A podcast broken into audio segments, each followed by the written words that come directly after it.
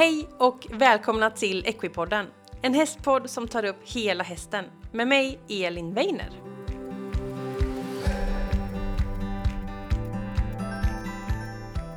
Välkomna alla lyssnare till ett nytt avsnitt av Equipodden.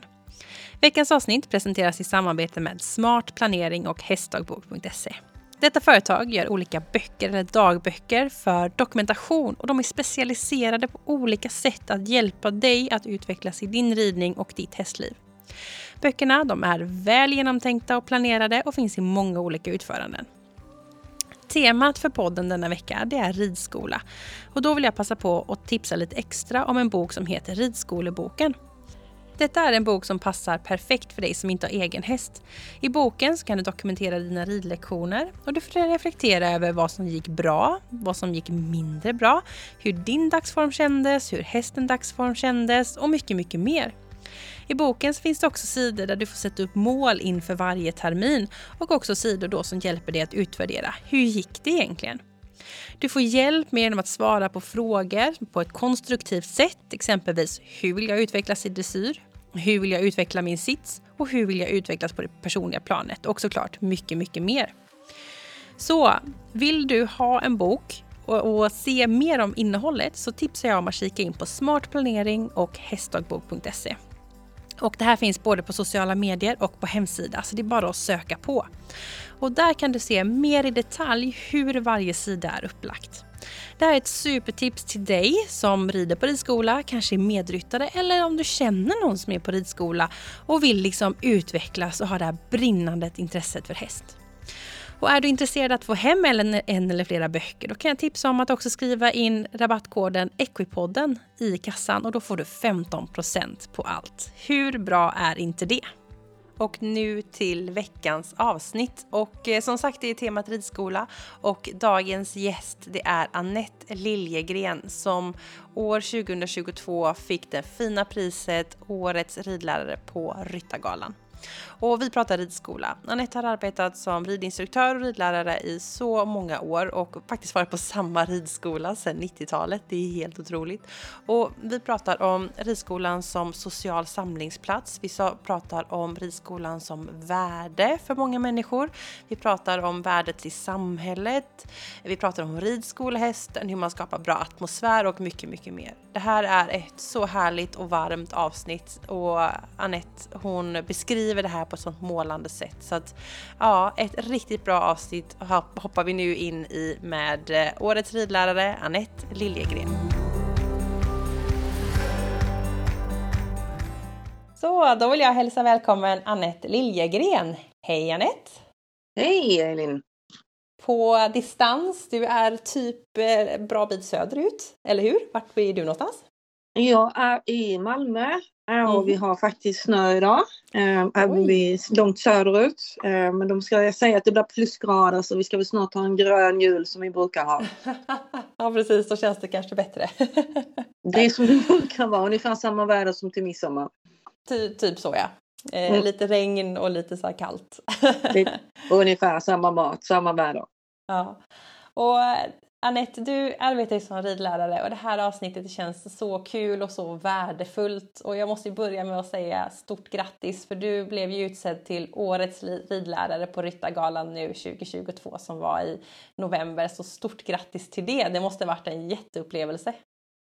Tack för din gratulation. Jo, det var en fantastisk upplevelse. Det var lite unikt att gå på en röd matta med fina kläder mm. och stå på samma scen som Peder och Rolf-Göran och resten av hoppgänget. Så att eh, mm. jo, man känner sig väldigt, väldigt hedrad. Det som jag tyckte var väldigt fint var att de talar så väl om ridskolan. Inte bara om oss ridlärare utan ridskolan, ridskolehästen, Ja, mm. De mm. lär sig väldigt många bra saker. Så att det var inte bara hopplandslaget utan det var uppfödare, de som har lite jobbigt med olika saker som funktionshinder eh, som ändå kämpar på och gör det jättebra. Mm. Så de, de tyckte, ja, jag tyckte de hyllade alla väldigt fint. Ja, vad härligt. Ja, det är en väldigt fin tillställning och det är kul att, att man lyfter sådana där eldsjälar runt om i Sverige på olika sätt att det inte bara är de som presterar bäst utan att, man, att det är många som får liksom en liten utmärkelse och lite möda för allt slit. För det är ändå ganska slitigt att hålla på med häst. Eh, det tar många timmar, det är tungt och det är inte jätterent. Man är ganska smutsig och, och så. Ja, eh, man undrar egentligen vad man håller på med ibland eh, när man håller på sena kvällar, helger. Det finns liksom inte riktigt åtta timmars dagar. Mm. Det är alltid någonting mer som behöver göras. Så framförallt när man har sin egen häst dessutom. Mm. Då är det ju mycket runt den. Det är ju inte bara rida. Det är mm. det lilla. Det är liksom allt annat som tar så mycket tid. Mm. Och kostar pengar. Och som jag istället för massa andra saker som folk kanske gör. Mm. Ja, men, men, det är det värt. Det är det, det värt. Är det värt. Ja, det är så mm. värt. Ja, det är helt fantastiskt. Ja, jättekul. Och eh, den som eh, lyssnar nu då har väl listat ut att temat för dagen är ju ridskola. Och det ska bli jättekul att få höra lite om dina tankar och få dyka in i det här väldigt viktiga ämnet tycker jag. Men om vi börjar med eh, liksom, vem är Annette och hur hamnade du där du är idag? Eh, ja, eh, jag började inte rida för min syster red. Och min syster var fantastisk när hon var liten. Hon är sex år mig. För hon, hon, hon, hon hade hela ridskolan. Hon drev ridskolor i fantasin. Hon skrev upp mm. hästnamn och parkerade dem i olika boxar. Och vi lekte den här leken. Och egentligen var det nog nästan hennes dröm att bli ridinstruktör. Jag skulle bli bridare. Mm. Uh, så jag gick väl igenom skolan med kanske inte alltid den största ambitionen uh, utan jag skulle jobba med hästar. Mm. Jag började också jobba direkt efter gymnasiet uppe i Småland med hästar. Mm. Uh, sen kom jag tillbaka till Malmö och hamnade som ett beredskapsarbete för då var jag bara precis 19. Och eh, då fångas man upp av Malmö kommun och då hamnar jag på Örestads ridskola, Örestads ryttarsällskap förlåt mig ska jag säga. Mm. Mm. Uh, så jag började där redan egentligen redan 82. Så det är många år.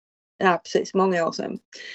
Och då var jag där och fick liksom, ja, det här betalt som en praktikant. Um, därefter började jag jobba med annat faktiskt och tänkte jag skulle bli något riktigt, mm. som folk sa. Eh, då när man var på ridskolan så var det många som frågade, ja vad jobbar du egentligen med? Mm. Eh, ansågs kanske inte vara ett riktigt jobb. Mm. Och det, den frågan fick man faktiskt ganska många år framöver. Men jag skulle säga att det blev någonting riktigt. Så jag började jobba med annat. Jag började även plugga på komvux.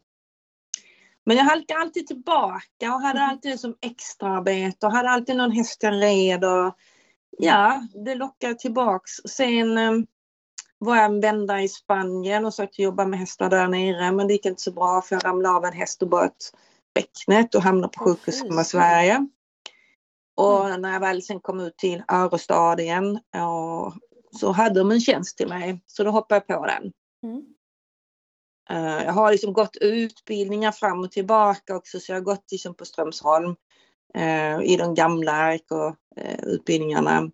Men jag tänkte ändå skulle bli någonting annat. Men mm. när jag väl sen fastnade var jag 90 så nu har jag blivit kvar. Mm. Så jag har jobbat alltså på samma ställe sen 90 så det är mitt 32 år. Det är helt ehm. otroligt. Ja. Och eh, hade väl lite andra jobb. Jag har egentligen nästan alltid haft mer än ett jobb. Jag har jobbat många timmar på ridskolan samtidigt. Ehm, men nu jobbar jag bara på ridskolan. Mm. Så ja, egentligen har jag i min släkt äh, hästbakgrund. Men den har liksom hoppat över en generation. För min mamma har aldrig hållit på med hästar. Mm. Men däremot min morfar var hästhandlare. Mm. Och min mors morfar drev faktiskt ridskola i Skanör för många, många år sedan. Mm. Men jag har aldrig riktigt träffat äh, min morfar för han var äldre när jag var liten och dog ganska tidigt. Och min ja. mors morfar har aldrig träffat. Men det finns väldigt mycket häst i min släkt. Mm, det ligger i blodet lite. Bort, tyvärr. Ja, man önskar man hade kunnat få lov att träffa dem idag. Mm. Och pratat om ja, allt vad de gjorde och vad de upplevde på den tiden. Och mm. allting som har förändrat sig. Mm, mm. Verkligen. Ja, superintressant och det är ju häftigt. Då har du verkligen trivts bra när du har varit där ja, nästan av och till då från 80 och sen helt från 90 liksom. Det är helt otroligt. Ja. Alltså det som är lite unikt, det är väl inte unikt egentligen, det är väl det som är så härligt med ridskolan, att det blir det blir en härlig blandning av människor. Det är mm. alla åldrar, det är alla sociala lager. Ehm, de har olika bakgrund.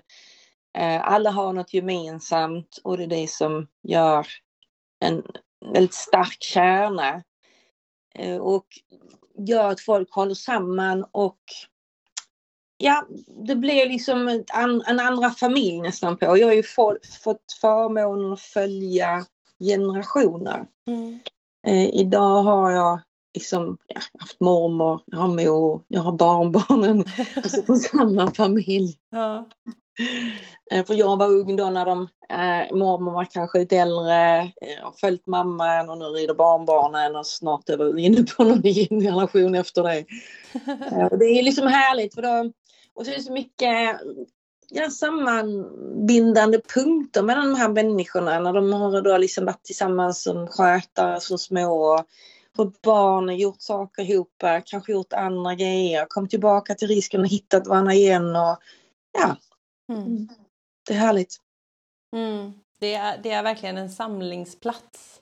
Och um, vi, vi ska prata lite om, om just det, att det är en samlingsplats och, och vad ridskolan är. Men om man får börja med att resonera, liksom, om du hör ordet ridskola och någon säger ridskola, vad, vad tänker du då? Vad är, vad är det för dig?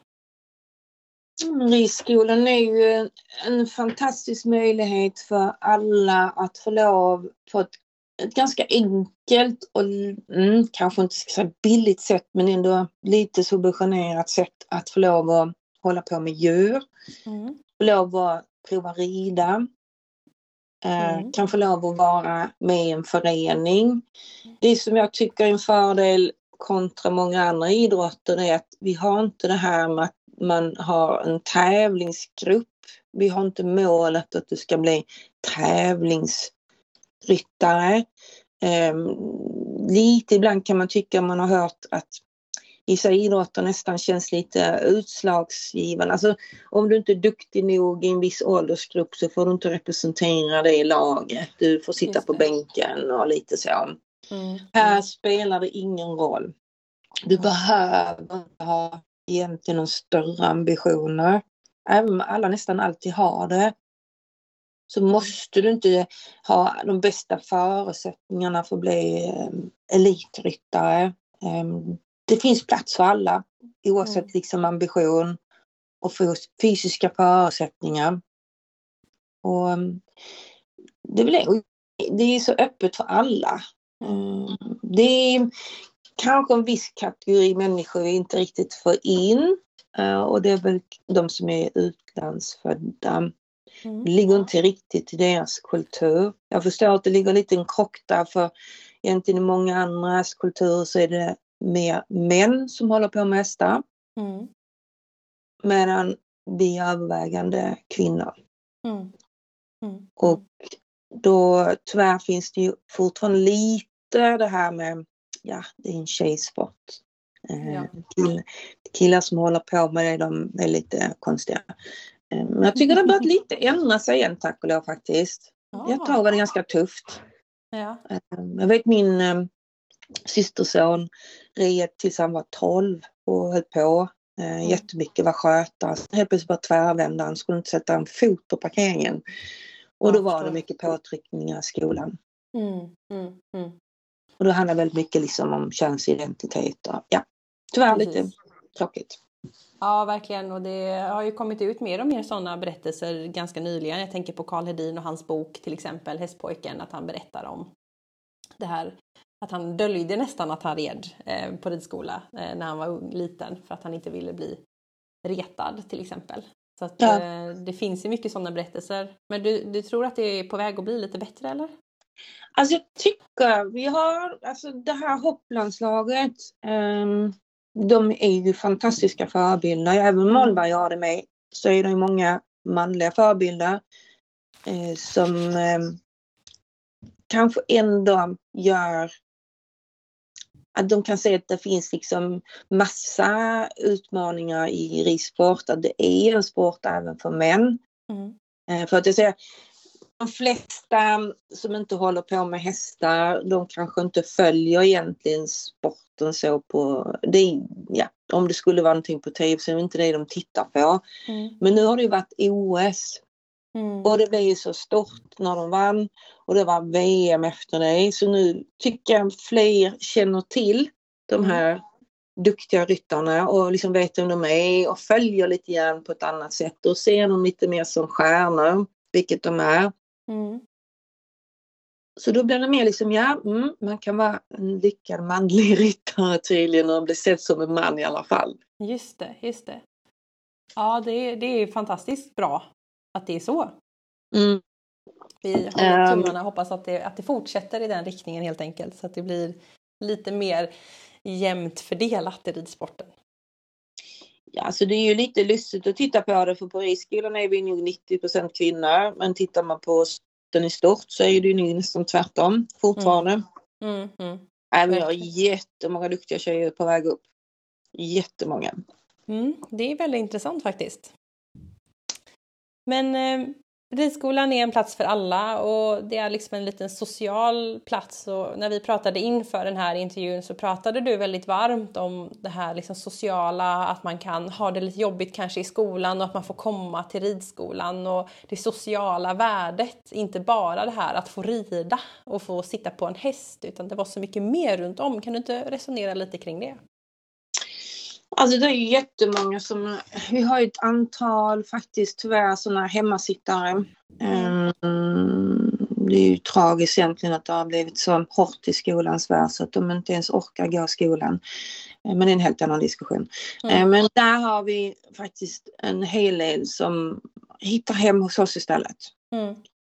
Och vi har en, mm, ett par lyckade exempel, får man nästan uttrycka det som, mm. som har verkligen blivit helade och blivit sedda och känt sig behövda och mm. hittat liksom en mening med eh, sitt varande ute på ridskolan. Mm.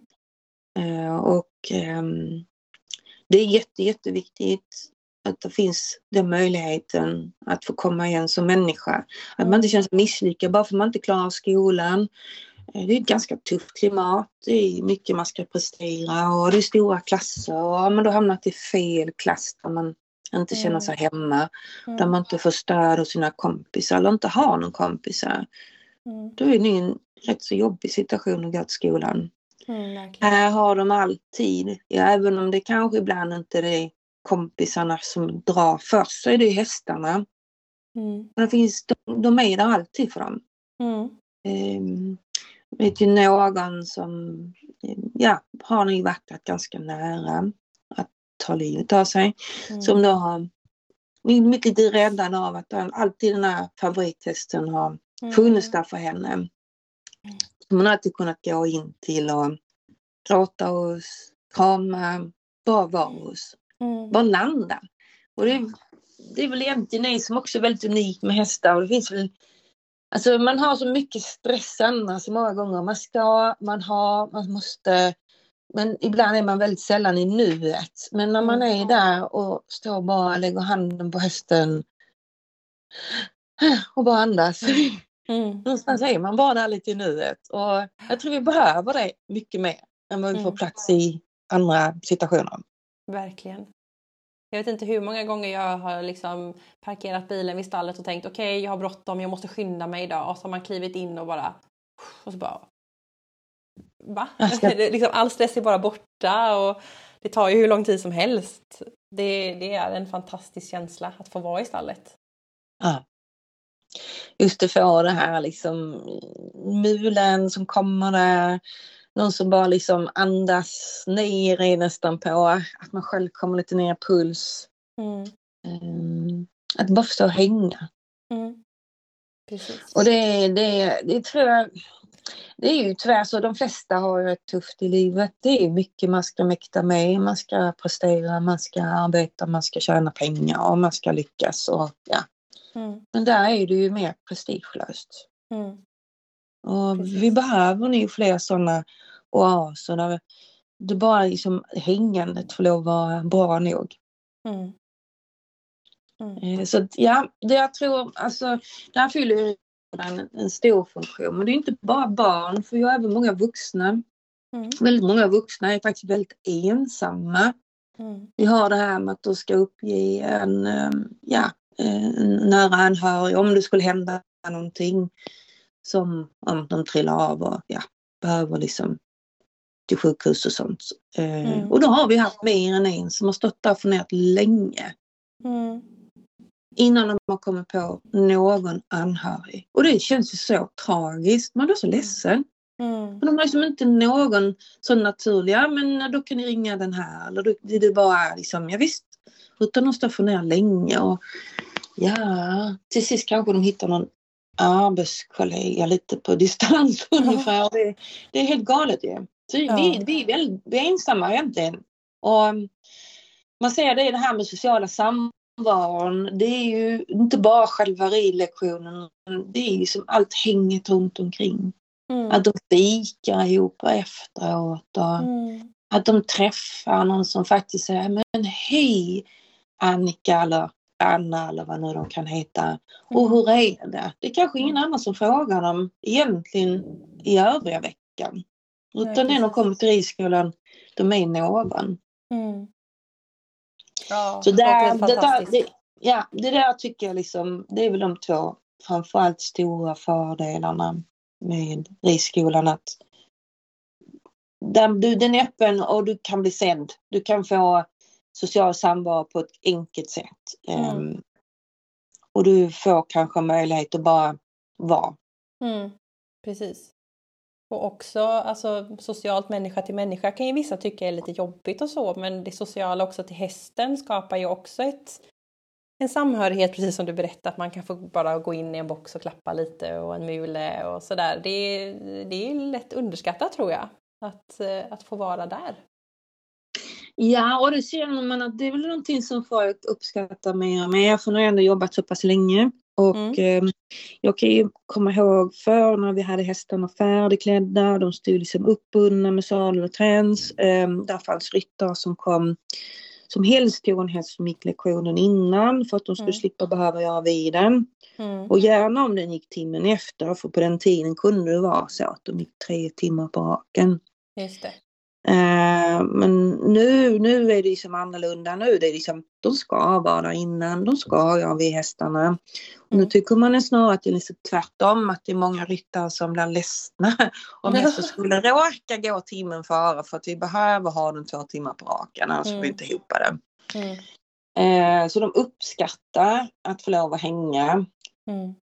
Och få pyssla och inse värdet av det också. Mm. Och det är man, lite det här, det är lite unikt att få ge det här till människor som inte heller håller på med hästar. Vi har ju lite skolor, lite samarbete med vissa skolor. Mm. Och då kommer det bland annat dit elever som inte alls har någon djurbakgrund överhuvudtaget som tycker det är liksom skrämmande att bara komma in i ett stall. Mm. Men när man liksom lite gradvis har lyckats introducera dem lite efterhand till bör mm. närma sig och man sen hittar dem lite eh, nästan lite tindrande med ögonen och bara liksom ah, håller liksom en hand. Åh, oh, de vågar hålla en hand. Åh gud, vad mjuka de är. Och, oh. Alltså det, de går, dit där, men, går därifrån med en helt annan upplevelse och för, mm. förhoppningsvis bra minnen. Mm. Mm. Mm, så det känns värdefullt att kunna ge det. Precis. Mm. Den kontakten är ju väldigt unik. Och första gången man får den med ett så stort djur, det är ju, det är en ja, väldigt häftig känsla. Det är ett stort djur, jag kan säga. Jag hade nog själv tyckt det var lika häftigt att gå fram till en elefant eller mm. en kamel, för det är liksom ingenting jag sysslar med eller känner till eller mm. tror mig kunna läsa av, för det, det finns ju inte i min värld. Mm. Um, så att jag kan förstå att folk kan tycka hästar lika fascinerande som ett främmande djur på andra sidan jordklotet. Um, ja. Om man inte har sysslat med dem. Ja, men risken överlag, alltså det, det, det är en plats för um, alla möjliga människor. Alltså människor som kanske trots den ambition att skaffa häst. Mm. vi lär sig grunderna. Vi har många privatryttare som låter sina barn börja på ridskola. Vi har ju även de som har typ egna hästar hemma mm. men som föräldrarna ändå uppskattar ridskolans liksom, daning av eleven. Mm. Mm. Och just den här förmånen att få lov att träffa många olika typer av hästar. Mm. Mm. Och att vi faktiskt gör kanske lite mer allt möjligt. En del som skaffar häst tidigt till sina barn. De ska bli specialiserade tidigt, de ska bli hoppryttare eller dressyrryttare. Men på ridskolan håller vi på med balans och vi har mm. kadrill och vi har lite lekar. Och, ja, vi gör rider ut och vi klättrar. Vi gör ju allt möjligt. Så att, mm. så, där får man möjlighet att prova lite fler saker. Vi har voltige. Det vi mm. inte har, vi har inte körning tyvärr. Mm. Ehm, det har varit jättekul om vi kunde haft det med. Men ja.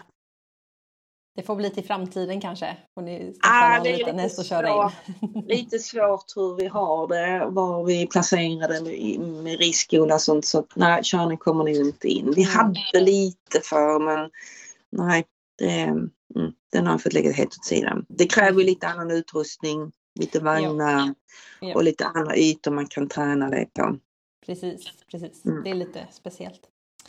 Men jag tänker det här sociala och att få vara och sådär. Och så tänker jag tillbaka lite. Jag, jag tror att väldigt många börjar på ridskolan som sagt och det gjorde ju även jag. Och jag vet eh, när jag gick för, jag behöver inte säga hur många år sedan, men väldigt många år sedan. eh, så var det ju lite det här tuffa tjejgänget och de kunde vara lite tykna och de visste bäst och lite sådär. Jag har lite sådana minnen. Och Ehm, det kan ju lätt bli lite så när det är liksom många, det är, man vill vara duktig kanske, det är många tjejer. Ehm, det kan bli lite så klimatet. Hur, hur har ni tänkt hos er och hur tänker du för att skapa liksom ett bra klimat i stallet för att det ska bli en väldigt social och härlig plats så att det inte blir det här lite, ja du förstår vad jag menar, det här tuffa tjejgänget eller stallgänget.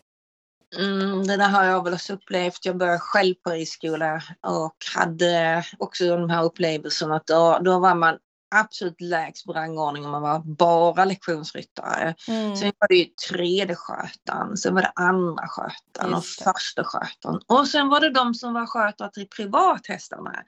Herregud så tuffa de var. Mm. Uh, jo, jag vet, jag känner igen det där. Och det det kommer att gå och vi gör allt för att hålla tillbaks och ner det. Mm. Så fort vi märker att det börjar bli lite i de banorna igen så försöker vi prata med dem. Mm. Um, vi har um, i perioder haft lite problem och då har vi fått plocka in lite några av de mer tongivande och diskuterat lite saker just det här att alla har rätt till alla hästar. Det är det som är lite vitsen med ridskolan. Man äger inte någon häst och man mm. kan inte paxa någon häst. Uh, och ingen är egentligen den bästa ryttaren på hästen. Den bästa ryttaren står på marken, så är det bara. Mm. Mm. mm. Och uh, alla vi vet hur svårt det är att rida så att det är bara dumt att kritisera någon som är på och försöker. För mm. Vi måste få lov, och lov att prova och alla måste få lov att misslyckas. Ja. Utan att det blir liksom dokumenterat. Eh, vi pratar rätt mycket om det här med filmning. Eh, vi har lagt ut emellanåt att, ehm, eller vi har lagt ut det, men vi påminner med, med jämna mellanrum om att de får inte filma någon som inte vill bli filmad. Mm. Mm. Eh, vi förstår värdet av att bli filmad när man själv rider. Alltså, du vill se hur du hoppar, vad du fick för instruktioner och kunna gå igenom det sen. Jättebra. Mm. Mm. Men vi går ut och påminner med jämna mellanrum att det ska undvikas att filma någon som inte är berörd av den här nu instruktionsvideon de vill ha. Mm. Um, andra så får de ju söka ta bort kameran, filma, filma mm. någonting som är tillåtet. Godkänt. Mm. Uh, vi försöker uppmana också att inte lägga ut saker på media som inte ser så bra ut. Alltså, när de någon trillar av till exempel. Så det är bara dumt att lägga ut det. Ja, precis. Det är ju, ja, någonting man kanske helst inte vill komma ihåg. Men där kan vi ibland ha föräldrar faktiskt som lägger ut sina egna barn. Jag förstår Mm. inte det. Mm. Mm. När deras egna barn misslyckas och ramlar av, hästen stannar och de drösar av. Nej, jag tycker Mm. inte det är schysst. Mm. Mm. Så sånt går vi ut och pratar om. Eh, vi har väl haft ehm, lite det här med hur ehm, man uppträder mot hästar. Ehm, där är det ju som anställd på ridskolan en viktig del av hur du utvecklar kulturen. Alltså du är Mm. kulturbärare. Du måste liksom vara den som alltid försöker säga hej till alla, prata med alla, se till så att eh, hästarna mår bra, visa att man visar omsorg om hästarna, att man pratar utifrån hästens välfärd. Ehm, att liksom om det är någonting så är det liksom okej utifrån hästens perspektiv. Ja. De, de måste få en större förståelse för om någonting går fel. Okej, varför gick det fel? Är det någonting Mm. som hästen inte förstod eller var någonting som blev tokigt för den? Mm. Eh, vi gör om igen och vi försöker hitta ett annat sätt att lösa det för den. Mm. Och det gäller väl också i sammanhangen de sinsemellan om det blir lite fel. Mm. Det är ju ibland lite barn som är lite intrigmakare. Och då har Mm. man ibland tagit in dem och pratat lite med dem om vikten att släcka bränder och inte starta eldsvådor. Så istället för att liksom gå där lite tissla, tassla, hjälpa Mm. till att hålla en bra ton sinsemellan. Ja. Och att alla ska få lov att vara hästtjejer ute. Kunna släppa lite det de har kanske annars i sitt liv. Inte liksom dra i någonting som de inte vill ha med sig den, i den världen. Ja, vad det är social, eller ska man säga, psykisk ohälsa hos några. Um, och då var det en period någon, nästan en slags tävlan i vem som mådde sämst. Mm. Ehm, och då fick vi lite försöka få dem till att tänka att man kan ha olika världar, försöka skapa en, en liten enklare värld. Eh, Inte ta med sig det in. Då att man inte kan säga till någon att nu ska du inte må dåligt längre. Utan, men ändå försöka skapa lite som en värld där de ändå bara får lov att andas lite grann i. Mm. Mm. Mm. Inte älta problem. Eller se till så att det blir nästan en status att ha problem. Ja, precis. Precis. Det tror jag är jätteviktigt. Och ehm, ja, det är ju inte så lätt liksom. Det är ett kontinuerligt arbete och det som du sa med film där, det är ju ett nytt fenomen att man ska lägga ut på sociala medier och, och visa upp och, och så. Det finns ju mycket som händer där som kan vara svårt att se och kontrollera. Ja, alltså det är ju jätt- jättemånga grupper som är stängda. Um, Mm. De har ju ofta interna chattgrupper och det finns ju så många olika lager i de här internetvärldarna. Men så fort man hör någonting, för det är alltid någon som till slut liksom inte orkar, som berättar för någon vuxen. Mm. Då är det viktigt att vi vuxna reagerar. Mm. Och men det är också viktigt att vi vuxna föregår med gott exempel. Jag kan bli ibland själv bli ganska mörkrädd när jag är ute på Facebook och ser hur vissa vuxna människor Mm. uttrycker sig Ja. om saker, om andra människor som de inte kan förstå. Deras liksom, de kan inte se det från den andras perspektiv. Varför har de gjort de besluten? Ehm, varför har de ju tagit de valen? Jag menar, man kan inte ifrågasätta någonting man inte riktigt känner till fullt ut. Mm. Mm. Nej, Eller bara för man råkar vara någon känd person, kanske sticker ut hakan här. Um, då är det rätt att säga precis vad som helst om den här personen. Just det. Säg att Mm. du ställer upp i Melodifestivalen och så kan man säga kommentaren efteråt. Hur kunde den klä sig så? Och hur kunde den sjunga? Och det lät så illa och bla bla. Men Mm. varför? Jo, de har ju försökt göra sitt bästa. Jag tror Just inte någon försöker göra sitt sämsta i de sammanhangen. Nej, precis. Man, man vill ju lyckas, man vill ju att det ska gå bra. Man gör Ja. sitt bästa utifrån de förutsättningar man har just då. Då är det tråkigt att få kommentarer när man gjorde det allra bästa. Liksom. Ja.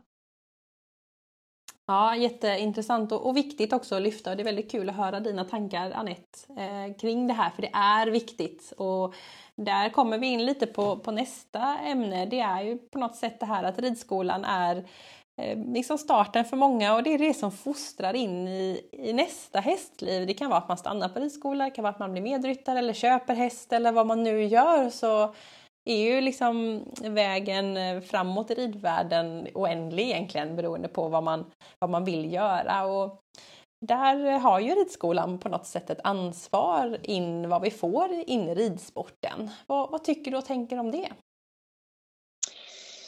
Alltså det är ju först och främst att vi öppnar upp kanske för bredden och eh, att, vi, att det finns många typer av hästar. Mm. Eh, och att överhuvudtaget oavsett liksom häst så har den lika mycket värde. Mm. Eh, oavsett om den inte har en känd härstamning eller godkända ponnymått eh, så är det en värdefull deltagare. Det är en kollega till mig eh, som hjälper dem att lära sig rida. Mm. Det är en kollega till mig som hjälper dem hur man ska bete sig i stallet. Mm. Eh, som finns där för dem när de är ledsna, som finns där för dem eh, när de vill lite mer. Mm. Och prova lite nya saker. Mm. Nej, men det, det, för ibland kan man säga när man ser det, alltså vi har ju en sport som har drivit fram avlen. Så att vi har ju hästar som är helt otroliga. De mm. ser nästan ut som de kan gå Grand Prix dressyr när de är knappt halvåret och de hoppar ju höghus innan de ens är åringar. Eh, men vi normala människor klarar inte av dem. Nej, och klarar inte att köpa dem heller. Men det finns också massa andra hästar, men de är lika mycket värda och mm. var fantastiska som läromästare. Mm. Mm. Ehm, då just lite det här också att det är ju faktiskt vi som måste komma på lösningar till hästarna. Det är, de är bara häst. Mm. Mm. Ehm, om det är någonting som är svårt för hästen, då är det vi som måste komma på ett bättre sätt att lära dem, eh, hitta det. Alla hästar har ju någonting som de är duktiga på. Mm, mm. Och genom att söka plocka fram det bästa hos varje häst kanske locka dem att bli lite bättre i det de är mindre bra i. Mm. För, um, det kan man ibland också höra lite, lite negativt trend att ja men den är så dålig på det och den är så dålig på detta. Ja, men då är det kanske någonting de måste vända på. Vad är den duktig på? Mm, precis. Och det är ju lite som vi människor, om vi alltid får massa klagomål, inte blir vi bättre på det. Nej, så är det. Utan får vi ha lite, okej okay, men vad duktig du är på det här och vad duktig på detta. Um, så kanske vi lyfter lite det vi är mindre bra på också. Så visst har vi en stor eh, viktig del där, eh, att få folk vidare in i sporten. Um, men jag tycker inte det är vårt yttersta mål. Mm. Nej, mm. det tycker jag inte. Mm. Eh, tycker vi ska vara en grund. Men vill man gå vidare så får man hitta andra vägar. Mm. Om man vill gå upp till bli elitryttare.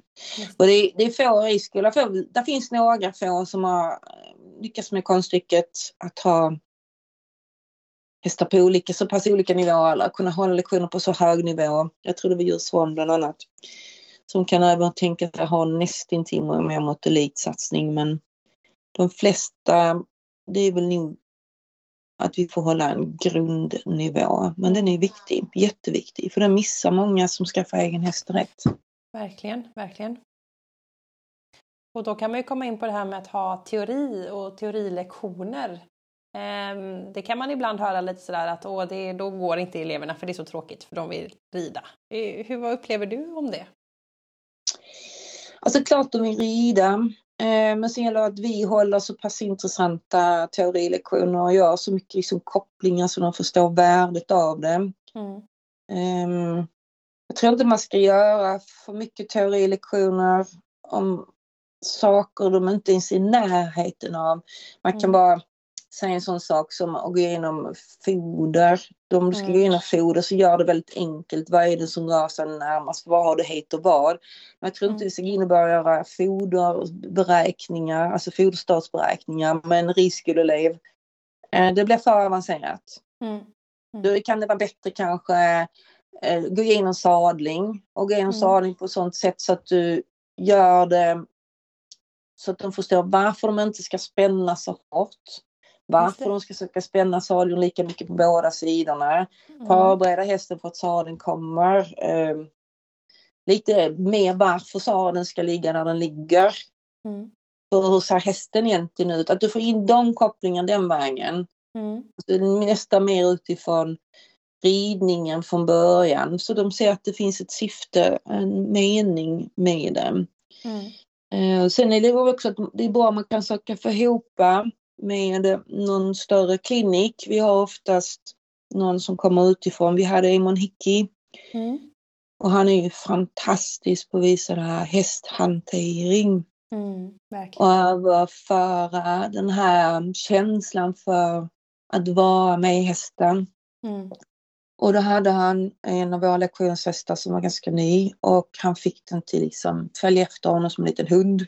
Ja. Eh, och han, han väldigt, väldigt, väldigt, väldigt fint visade hur han byggde upp en, en, en, en samvaro med hästen så att hästen liksom följde honom, litade på honom, eh, hur han började och små tips. Ehm, och därefter följde vi upp det med att vi hade lite olika ledövningar i ridhuset där de fick liksom gå förbi saker som inte var som brukar stå där som var lite skrämmande. Hur hanterar man hästen då? Då förstod de mitt syfte med det.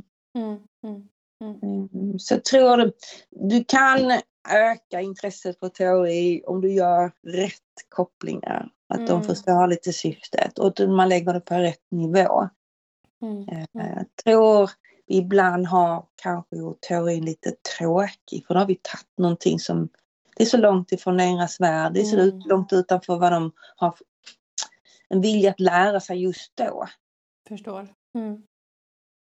Jätteviktigt. Det är ju samma sak, eh, jag som är lärare, att eh, tänka Mm. på hela tiden att det ska finnas liksom Eh, att det ska vara mm, ja, men greppbart och liksom ska vara liksom ändå så pass nära eleven att de ska ändå känna att ja, men det här kan finnas i mitt liv. Liksom. Och då blir det oftast väldigt intressant för dem. Annars tycker de att det är rätt tråkigt ibland.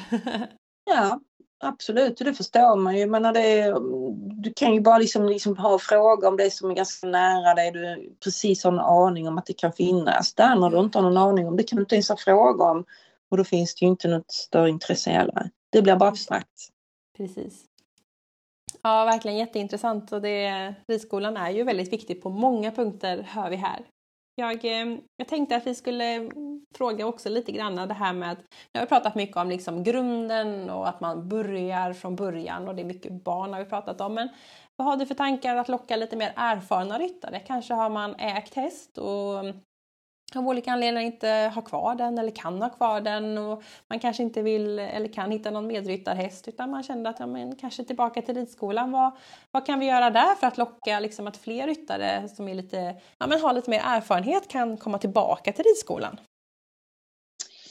Eh, jag känner att det är ganska många faktiskt. Jag um, svarar ju även på mejl. Jag sitter lite på kontorssidan. Och det är väldigt många känner jag nu som vill tillbaka till ridskolan som beskriver att de har en hästbakgrund, de har ägt häst eller haft foderhäst. Eh, men av olika skäl inte kan ha det längre. Det kan vara ekonomi, det kan vara tidsbrist och så vidare. Mm. Jag känner ett stort intresse.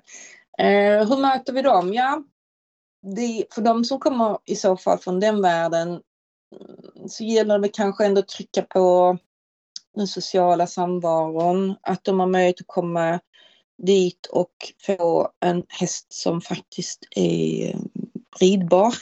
För alla Mm. som har ägt häst vet ju att det är perioder, det är skador, det är hälta.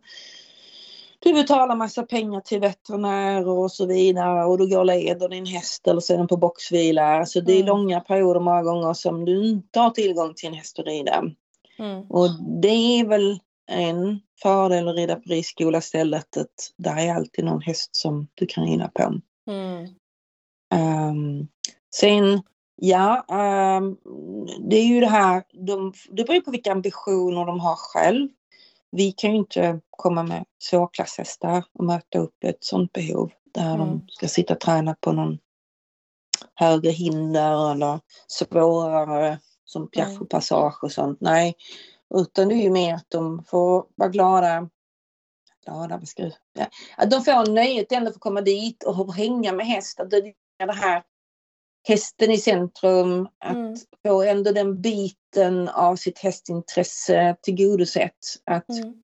kunna mysa med en häst, kunna rida, eh, känna den här glädjen i att okej, okay, detta hade jag när jag började med, detta har jag när jag slutat. Att de ändå liksom lyckas kanske utveckla någonting under ridpasset. Mm. Mm. Mm. Att det är lite resans gång där. Eh, att de får kanske möjlighet att rida lite andra typer av hästar. Mm. För oftast har du ju bara en häst när du äger häst och du har kanske en typ av häst och den har sina fördelar, sina nackdelar. Eh, och här på risken kanske du kan få en häst som kanske är tryggare i hoppningen och det har vi haft elever som har kommit för att de har blivit rädda för sina egna hästar som mm. inte har tagit dem över hindren. Mm. Och då har vi idag kanske kunnat möta upp med hästar som de har kunnat få hoppa med mm. på ett enkelt sätt. Så de har kunnat mm. liksom komma tillbaka till sin egen häst med lite mindre nerver. Och de har fått möjligheten att hoppa liksom utan att det varit komplicerat. Mm. Det blir gärna en ond cirkel om du har en häst som är lite svår och så blir du rädd mm. själv. Och så blir du mer spänd och så går det bara sämre och sen så blir det ingenting av det. Mm. Men har du fått komma över den så kanske du kan prova att komma tillbaka till din egen häst igen. Mm. Precis. Ja, eller det här liksom att ja, det är ju tyvärr, det är ju inte så lätt att ha egen häst. Det kostar väldigt mycket pengar. Det kostar väldigt mycket tid. Du kanske kommer in i ett annat skede i ditt liv där du småbarn sånt. Du har inte möjlighet att ha egen häst. Då kan ändå det här vara ett sätt att hålla igång din ridning tills du har möjlighet att skaffa häst igen. Mm, mm. Väldigt bra. Jätteintressant. Jag tänkte också fråga, för att nu har vi pratat mycket om människan och hästen har ju funnits eh, hela tiden i vårt samtal men eh, ridskolehästen den är ju ändå eh, unik och har e vissa egenskaper kanske som passar bättre eller sämre och den har ju en viktig funktion, det är ingen ridskola utan ridskolehästen. Kan du inte berätta lite om eh, vad är en bra ridskolehäst och hur har den det på ridskolan och, och sådär? Ja, jag kan väl börja med att berätta hur de har det. De har ju egentligen ett väldigt, väldigt organiserat liv. De mm. har fordringar på rätt tid, de har personal som alltid ser om dem. De får tillgång till hovslagare, veterinär när det behövs. De har en mängd människor som bryr sig över dem alltid. Mm. Eh, det är ju jätte till, alltså väldigt bra organiserat hästliv för dem. De får komma ut, de får komma ut i flock. Så där, där lever de egentligen oftast ett bättre hästliv än hos många privathästar skulle jag, eller som privathäst skulle jag vilja säga. Mm, mm. Eh, sen har vi ju andra krav kanske mm, när det gäller liksom på våra ridskolehästar vad du har kanske som en tävlingsryttare. Mm. Vi vill ju ha dem lite lugnare. Mm. Vi vill ha hästar som är eh, tåliga, som står ut med att det blir fel. Mm. Vi vill ha hästar som har nästan lite förmåga att lite stänga av. Mm. Men som ändå är där när du trycker på rätt knapp. Mm. Precis. För det är mycket intryck. Det kommer många olika typer av ryttare. De är i olika bygder, de trycker på olika sätt, de tar i munnen på olika sätt. De eh, ja, eh, är inte likriktade. Så de här hästarna har en mängd olika arbetsgivare varje dag, kan man nästan säga. Eh, det gäller att vi som instruktörer ändå styr upp det så att vi ger dem lite förståeliga lektioner. Jag försöker mm. oftast bygga upp någon övning som jag använder mer än en gång. Så att man kan följa upp den på olika sätt under veckans gång eller över en två, tre veckors period så är det ungefär samma röda tråd. Så man ser att hästarna liksom är här. Första liksom gången man har övningen blir de lite, mm, vad ska vi göra nu? Andra gången, ja ja, men det är detta här. Och sen så kan de övningen. Mm. Och eh, liksom koppla av lite i det och kan liksom bära med eleven och göra det enkelt för eleven. Mm, mm. Man vill gärna ha hästar som är faktiskt lite streetsmarta, alltså som mm. kan läsa av ganska snabbt, som inte är så bekymrade. Um, så det är en fördel om de är lite tänkande. Mm. Sen hur de ser ut, de kan se ut på alla möjliga sätt i mm. storlekar och färger. Just nu har vi otroligt mycket skäckar men det är bara för att vi importerar väldigt mycket från Irland. Ja. men annars är det väl, ja, vi, man har ändå en viss typ, man vill att de ska vara mm, ändå något sånär korrekt exteriört. Mm. För de är ändå mer hållbara. Sen är det alltid avvikelser och vi får kanske ibland ta lite mer avvikelser än den som har en större plånbok än vad vi har. Mm. Eh, men huvudsaken är egentligen att de har eh, en vilja att vara med människor. Mm. Att de ändå har en, eh, en tillräckligt bra grund där. Mm. När man köper dem, så vi köper dem, vi köper dem via en hästhandlare, så vet du tyvärr inte alltid vad som har hänt dem. Nej, precis. De bär sig sin historia med in och vi har inte koll på den. Mm. Men det gäller att de vågar lita på oss människor och känner sig trygga och um, vill vara där. Vi har ju inte bytt ut många hästar eh, av eh, lynnet utan det har varit mer att de kanske inte varit så fräscha som de borde vara. Men det är några hästar som jag känt, nej det är inte deras liv. De, de blir stressade av att det kommer många. Mm, och att mm. det byts och de, de landar inte i det. Mm. Så det gäller att de vågar vara med oss och tycker det är mysigt. Eh, och trivs med att det är många som kommer. Och mm. just det här kan koppla av lite på jobbet. Mm. Mm. De gör det lagom bra hela tiden. Då är ryttarna lite nöjda för att ja, det här funkar. De flyttar sig, den fattar galopp, den stannar, den går den riktningen de vill. De tar sig över hindren.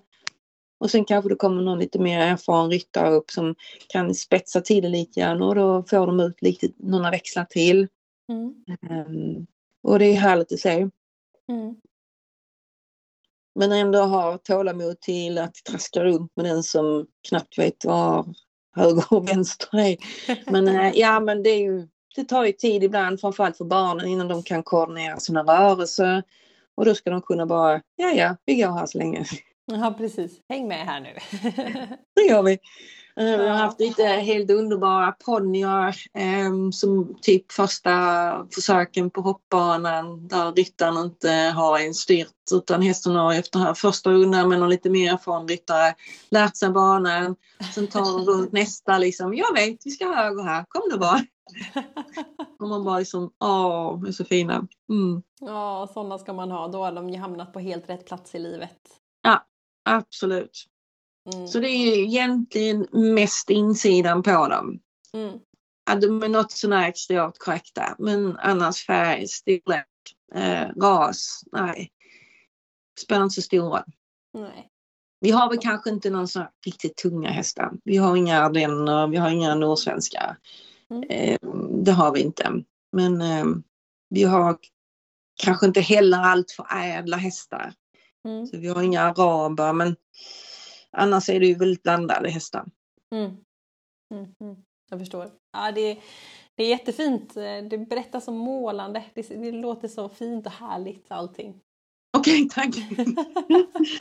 ja, vi har verkligen haft ett superhärligt samtal. Väldigt mysigt tycker jag. Och vi har pratat på en bra stund så jag tänkte att det är dags att börja runda av. Men Anette, du ska få en sista fråga. Och det är om man nu lyssnar på det här och rider på ridskola, oavsett om man är ung eller äldre eller man kanske säger att man har ett barn som kanske rider på ridskola eller en eh, bekant eller någon systerbarn eller man har någon i sin närhet som rider på ridskola. Och om du då som eh, instruktör skulle vilja ge tre stycken tips på hur man som ryttare kan utvecklas på ridskolan, vad skulle du säga då?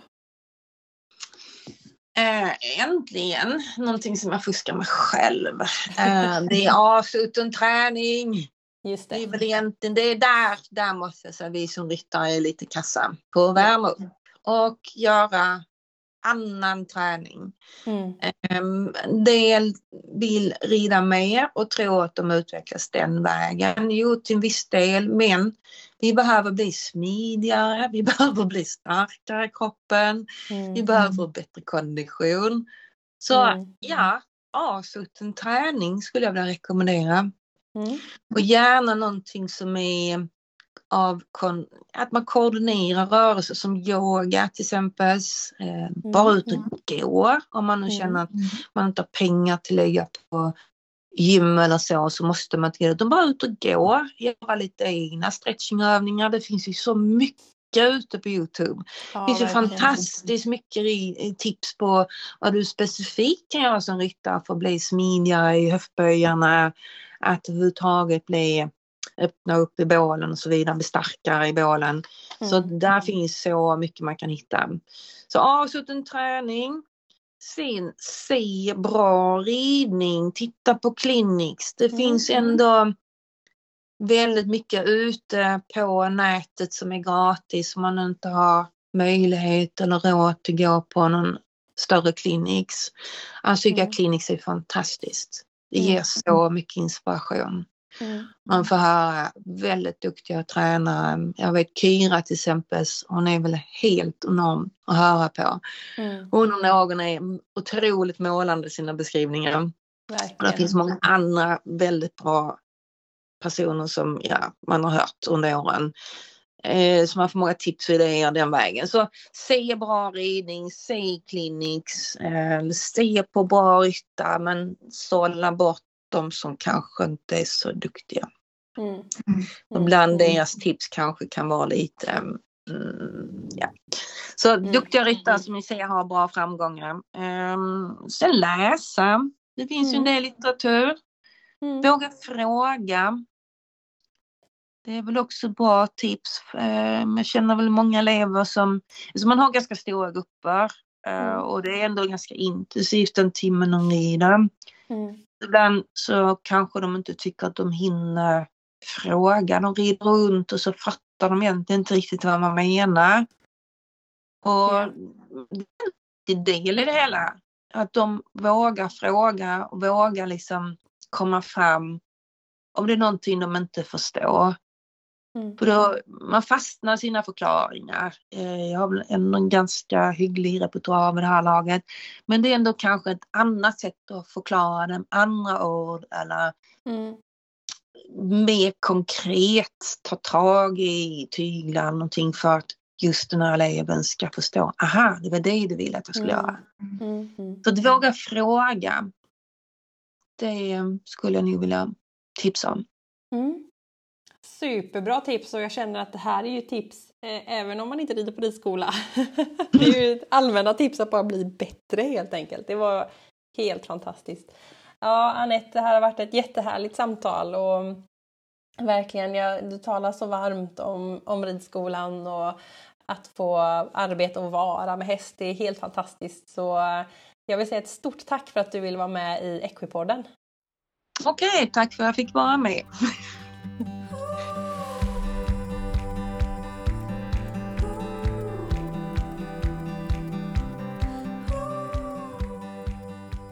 Ja, wow, vilket härligt avsnitt och jag tycker det här är ett så viktigt ämne att prata om och lyfta. Att eh, ridskolan den är så central och den är så viktig för ridsporten och då känns det så extra härligt att höra Anettes varma ord kopplat till ridskolan och det, ja, det känns himla bra. Nu kommer Equipodden ta en liten julpaus. Eh, nu är det bara några få dagar kvar till julafton och eh, i mellandagarna så kommer det inte komma ett nytt poddavsnitt utan jag är tillbaka i början av januari igen och det ser jag fram emot. Men till och med jag behöver faktiskt lite ledigt ibland. Men kika gärna in på Equipodens sociala medier på Instagram och Facebook för där kan det ändå dyka upp lite spännande saker över mellandagarna.